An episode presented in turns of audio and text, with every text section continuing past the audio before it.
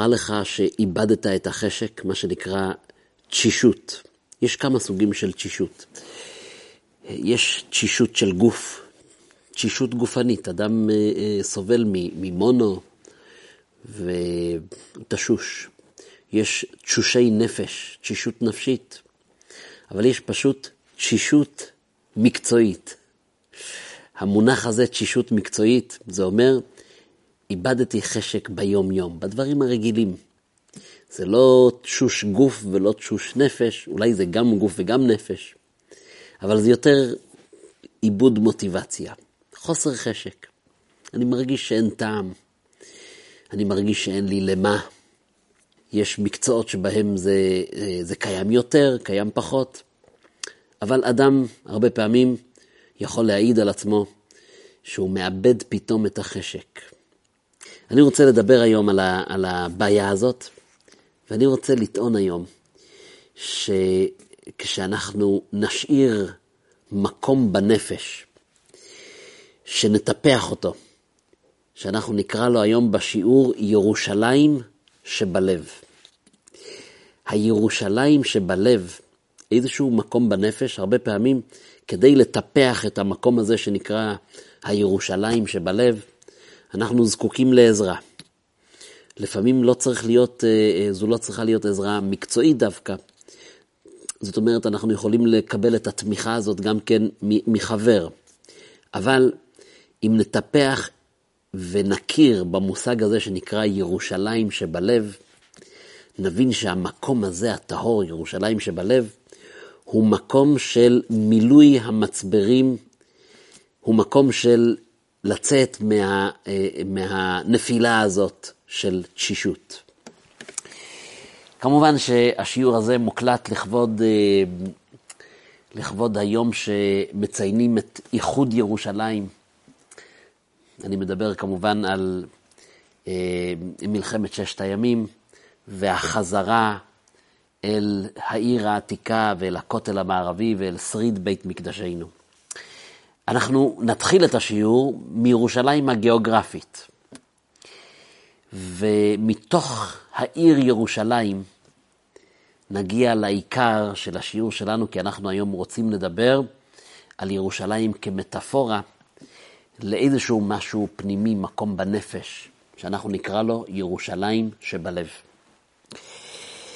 והמקום הזה הוא אה, אה, מקום של המון הכלה, מקום מכיל מאוד, אבל הוא מקום גם כן של לתת דין וחשבון, כפי שנראה תכף. זאת אומרת, העלייה לירושלים, ככה זה נקרא, עלייה לרגל, עולים לירושלים, זה מקום שמקבל אותך, מקבל אותך במקום של הכלה, אבל מקום שאתה מרגיש גם כן שיש כאן איזו תביעה. מקום שאומר, אתה מסוגל, אנחנו תובעים ממך. וההגעה אל המקום הזה שנקרא ירושלים, זה מדרבן, וזה מוציא מהאדם את היכולות, החבויות שלו, ובעצם עוזר לנו להתגבר על המשברים האלה של התשישות המקצועית שקראנו לזה. אז נתחיל עם, נתחיל עם העיר ירושלים. בלי סוף, בלי סוף, בלי סוף אנחנו מזכירים את ירושלים. אנחנו מזכירים את ירושלים בתפילות. ולירושלים עירך ברחמים תשוב, ותשכון בתוכה כאשר דיברת, ותחזינה עינינו בשובך לציון. ציון וירושלים, ירושלים וציון. שחרית, מנחה וערבית, במשך אלפיים שנים. עם ישראל היה כמה ומתגעגע, מתי נזכה לעלות לארץ ישראל ונזכה לנשק את רגבי העפר של ירושלים. ירושלים זה היה החלום של כל יהודי. כל ההיסטוריה, התגעגענו לירושלים. אז קצת היסטוריה, וזה חשוב לנו להמשך. יהושע מוביל את עם ישראל, חוצים את הירדן, כובשים את הארץ, מחלקים את הארץ ל-12 שבטים, כל שבט מקבל חבל ארץ, והאזור הזה שנקרא לימים עיקרי ירושלים, זה אזור של היבוסים. הוא מתחלק בין שבט יהודה ושבט בנימין. אה, לימים אנחנו נגלה שבאמת הגבול בין שבט יהודה ושבט בנימין ממש עובר על הר המוריה, עובר איפה שמקום המקדש. זאת אומרת, האזור שעמד בו המזבח היה שייך לשבט יהודה, וקודש הקודשים ששם היה ארון הברית היה שייך לשבט בנימין. אבל הפלא הוא ששבט יהודה ושבט בנימין לא נלחמו ולא הצליחו לגרש את היבוסים, ולמעשה האזור הזה שנקרא ירושלים, במשך 400 שנה נשאר איזשהו תחום שלא נכבש.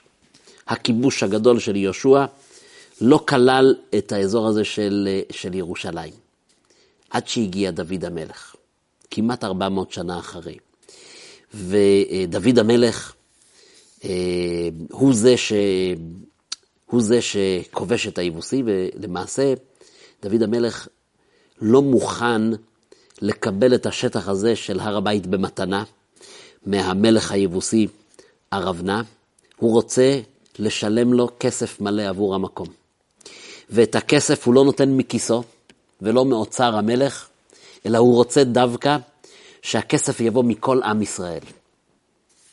הנביא מספר איך שאוספים מכל, מכל השבטים, כל שבט היה צריך להביא 50 שקלים, וסך הכל 600 שקלים הביאו ליבוסים, והרבנה מוכר בעצם את המקום הזה.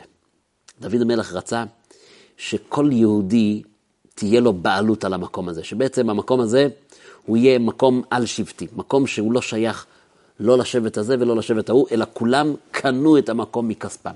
כל יהודי יש לו בעלות על המקום הזה, הוא שותף בקנייה, יש לו חלק בקושן על המקום הזה שנקרא הר המוריה. טוב, דוד בעצמו לא זכה לראות את בניין בית המקדש, הוא הכין את השטח, הוא הכין את הקרקע. זה יהיה רק שלמה בנו שיבנה את בית המקדש. ואנחנו קוראים ל, ל, ל, לעיר הזאת, ירושלים, עיר שחוברה לה יחדיו. ויש על כך כמה פירושים. למה היא העיר שחוברה לה יחדיו? יש פירוש שאומר שהיא עיר שנבנתה בשלבים. זאת אומרת, שלב ראשון בנו, ואחרי זה עוד שלב, ואחר כך בנו מכאן, ואחר כך מכאן. ובסופו של דבר, המקשה של העיר בסוף זה היית, הייתה נראית עיר שחוברה לה יחדיו, הכל התחבר למקשה אחת, הכל נהיה פסיפס אחד יפה. אבל יש עוד פירושים, עיר שחוברה לה יחדיו, זה המקום שגורם לחיבורים.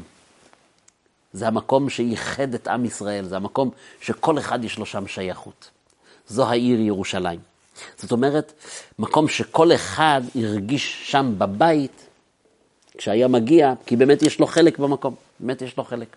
כל אחד הוא מהשבטים, כולם שילמו על המקום הזה. כאן אנחנו מגיעים לשם, וזה גם מאוד חשוב להמשך לירושלים שבלב. מה קרה שהמקום נקרא ירושלם, ואחר כך ירושלים? אז קצת אה, ואנחנו חוזרים אחורה עוד קצת בזמן, השם שלו המקורי היה יראה. מתי הוא נקרא יראה? כשאברהם אבינו עקד את יצחק בנו, זה היה שם, בהר המוריה. אז אברהם אבינו, כמו שאנחנו קוראים בספר בראשית, אחרי שסיפור העקדה הסתיים, והעיל נאחז בסבך בקרניו, אז אה, אברהם קורא למקום השם יראה אשר יאמר היום בהר השם יראה. המקום הזה אני רוצה לקרוא לו המקום של הראייה. כן, אנחנו יודעים שהמקום הזה הוא המקום שבו האדם הראשון נברא, שם היה עקדת יצחק. זה המקום המוכן והמיועד להיות בעתיד בית המקדש, שם יעקב חולם את החלום שלו, של המלאכים שעולים ויורדים בסולם, ויצחק שם מתפלל. אז המקום הזה, אברהם קורא לו המקום של ראיית אלוקות, יראה. ואילו שם בן נוח, שם בן נוח, שחי בתקופה, האריך ימים וחי בתקופה של אברהם, הוא קורא למקום שלם. קראו לשם בן נוח, קראו לו גם מלכי צדק. מלכי צדק, מלך שלם. אז יש לנו כאן שני שמות. יראה זה השם שאברהם נתן, שלם זה השם של מלכי צדק, ומזה נהיה הערבוב של יראה שלמה, יראה שלם, ירושלם. זה השם של העיר. העיר נקראת יראה שלמה, ירושלם. י... השמות הם שמות שחיבור של שני השמות שנתנו למקום. מה זה בא לומר לנו? מה השם הזה שמחבר את שני השמות, מה זה בא לומר לנו? זה מקום שיש בו מצד אחד הכלה של שלמות, כמו שנתן שם מלכי צדק, מקום שאמרנו חוברה לה יחדיו, שאתה מגיע לשם ואתה מרגיש הכי בבית. אדם הגיע והיה משתוקק לבוא, עולי הרגל באו לראות ולראות. הייתה איזו הרגשה של שלווה פנימית מיוחדת בהגעה לירושלים. יש רבים שמעידים שעד היום, כשהם באים לבקר בירושלים, יש איזו תחושה מיוחדת של רוממות, של שלווה. זה המקום של השלמות. ומן הצד השני, מקום של יראה. מקום לא יראה מלשון פחד, לא סתם איזשהו פחד, אלא יראה מלשון השם רואה אותי כאן. אברהם אבינו נתן את השם, והוא אומר, השם יראה אשר יאמר היום בהר, בהר השם יראה. אני הרגשתי במקום הזה שהקדוש ברוך הוא סומך עליי, בוטח בי. הוא העמיד אותי בניסיון, הייתה לזה מטרה. הוא מאתגר אותי, איזה מקום של תביעה, מקום של, של אה, הנאה. זה השילוב של ירושלם, יראה שלמה. מצד אחד הכלה טוטאלית, ומצד שני מקום של הנאה, של, של זריקת מוטיבציה, מקום של תביעה, מקום שהשם רואה, כשהקדוש ברוך הוא רואה אותך, זה מיד תובע ממך, זה אומר, מה אני עושה עם זה? איך אני מתקדם מכאן לעשות עוד יותר, לשאוף לעוד יותר. זה, זה המקום שנקרא ירושלים. וזה יכול להסביר לנו גם אה, אמרות וגם הלכות שנכרכו סביב העיר ירושלים. כמו למשל, יש אה, הלכה או מנהג, שעד היום, דרך אגב, משתדלים מאוד לקיים אותו, אין מלינין את המת בירושלים. מת שנפטר בירושלים, החברה קדישא בלילה, לא משנה באיזו שעה, יעשו כל מאמץ כדי לקבור את המת. אין מלינים את המת בירושלים. שהמשמעות העמוקה של הדבר הזה, ירושלים זה מקום של חיים. זה מקום של חינניות. זה מקום של מרץ. זה מקום שאני יוצא משם תמיד מעודד. שאני יוצא משם עם, עם, עם מוטיבציה חדשה. זה מקום של חיים, זה לא מקום של מוות. לא יכולים לתת למת ללון לילה בירושלים, כי ירושלים זה האנטיתזה של מוות. זה אנטיתזה של מוות. ירושלים, מקום של חיים. אתם הדבקים בהשם אלוקיכם חיים כולכם היום. אתה מגיע למקום של יראה ושלמות, ואתה יוצא משם חי. חי ולא תשוש. עולי הרגל הרגישו את זה אפילו בגוף הפיזי. יצאו עם חיים, אין מלינים את המת בירושלים. זה יכול להסביר את פרקי אבות, פרק חמישי, שאומר את הדבר הבא. עשרה ניסים נעשו בבית המקדש. ושימו לב איך שכל העשרה ניסים הם סביב הציר הזה, מקום שמעניק חיים, אין שם מוות. מקום של חינניות, מקום של זריקת מרץ. מהם הניסים? לא הפילה אישה מריח בשר הקודש, לא היו הפלות בירושלים. לפעמים אישה מריחה ריח והיא מאוד רוצה את הדבר הזה, אבל זה, זה, זה קורבן, זה קורבן קדוש, שהכוהנים יכולים לאכול למשל. לא הפילה עובר, לא היו הפלות. אין מוות, גם לא מוות של הפלה. ולא הסריח בשר הקודש מעולם. בשר הקודש לא הופך להיות מסריח, הוא לא מתקלקל. זה מקום של חיים, זה לא מקום של סירחון, של ריקבון. שזה מסביר את הנס הבא, ולא נראה זבוב בבית המטבחיים. למה אין זבובים בבית המטבחיים? זה מקום של חיים, זה לא מקום של עובש, זה לא מקום של ריקבון. לא אירע קרי לכהן הגדול ביום הכיפורים, זה מקום שאין בו טומאה. לא קיבו הגשמים את האש של עצי המערכה. לא היה יכולת לגורמים חיצוניים. זה מקום של הכלה, מקום של קבלה. אין דברים חיצוניים שיכולים לאיים על האש של הקורבנות, על האש של בית המקדש. ולא ניצחה הרוח את עמוד העשן, היה מתעמר מעל, מעל המזבח עמוד של ענן. הרוח לא הייתה יכולה להזיז אותה. זאת אומרת, זה הכל במשמעות גם יותר עמוקה. שום דבר לא יכול להפר את המקום הזה של חיים, של הכלה. הרוח, הרוחות שנושבות, לא יכולות על עמוד העשן שעולה מהקורבנות של בית המקדש. לא נמצא פסול בעומר ובשתי הלחם ובלחם הפנים. עומדים צפופים ומשתחווים רווחים.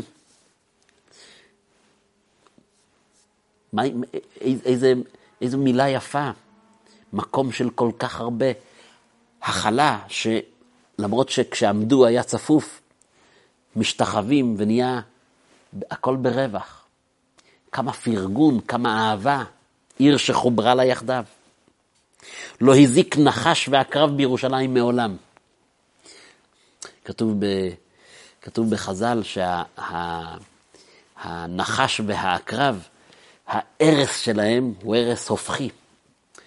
כי הנחש נותן הרס של קרירות, והעקרב נותן הרס של חום. אז הנחש והעקרב, כל אחד מהם יש לו הרס מסוג אחר, חום וקור. כל מיני גורמים מזיקים שמנסים לשבש אותך. פעם אחת חמימות, פעם אחת קרירות, פעם אחת תאוות, פעם אחת אדם נכנס לאיזו אפתיות כזאת, קרירות, אדישות. בירושלים אין תופעות כאלה, אין נחשים ואין עקרבים, אין חמימות ואין שום תופעה. יש חיים, יש חיים בירושלים. ומה יותר מהנס האחרון, ולא אמר אדם לחברו, צר לי המקום שאלין בירושלים. ירושלים לא, לעולם לא הייתה צרה מלהכיל. לא אמר אדם, צר לי המקום ש... כל אחד שהגיע הרגיש, הגעתי הביתה. כל העשרה ניסים שכאן מוזכרים בפרקי אבות פרק חמישי, הכל זה סביב הנושא של הכלה וחיים, חיים, זריקת עידוד, מוטיבציה. אדם יוצא משם מלא בחיים, מלא בחינניות.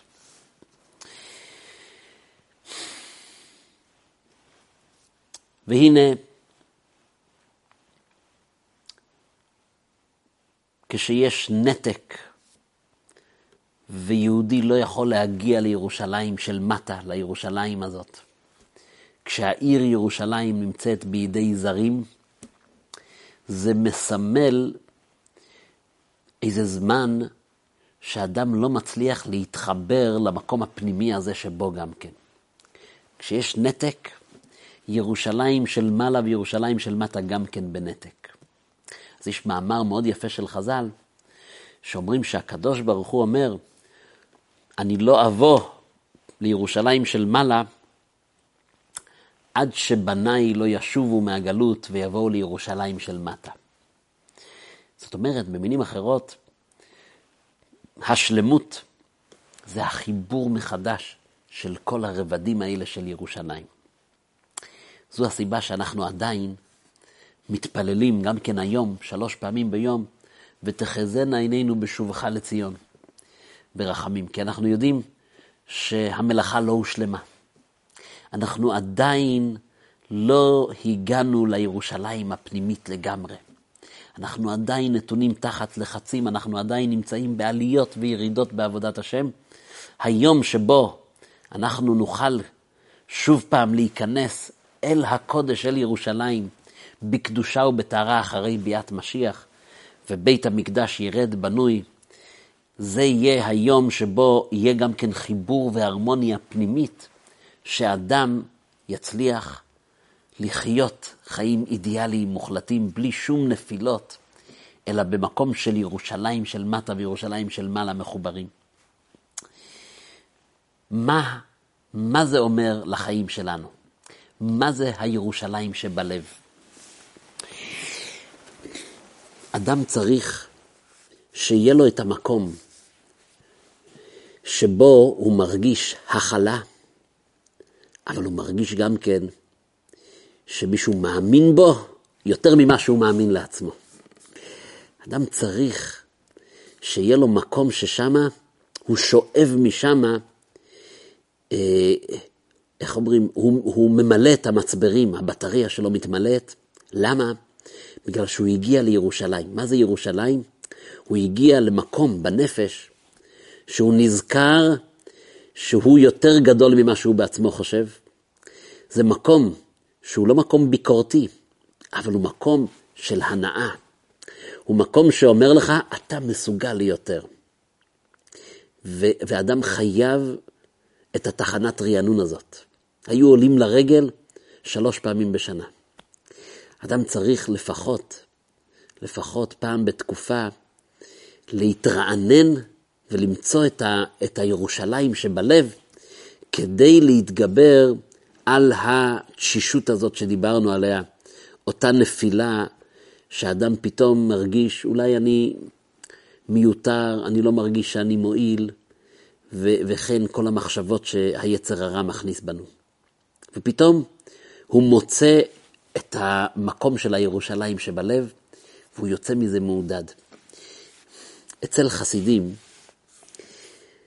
היו מקפידים שנוסעים אל הרבי שלהם לפחות פעם בשנה. למה? היו מגיעים אל יהודי שהוא באמת מקבל אותך כמו שאתה, אבל הוא מאמין בך יותר ממה שאתה מאמין בעצמך. זאת אומרת, זה אחד כזה שהוא נטול כל אגו. זה אדם כזה שאתה מרגיש שאכפת לו ממך יותר ממה שאכפת לך מעצמך.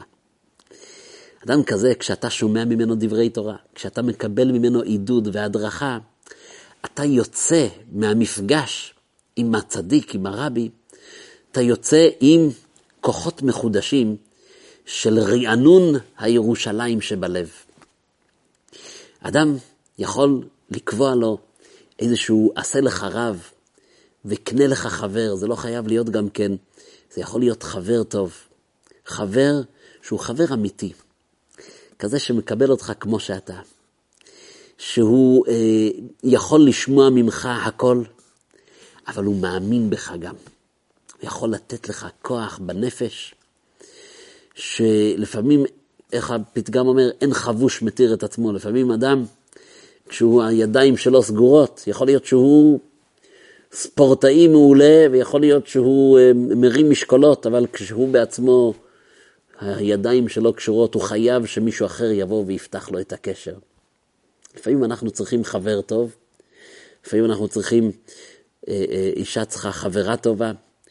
אדם צריך לפעמים מישהו שיפתח לו את הקשר, ויזכיר לו על הירושלים שבלב שיש.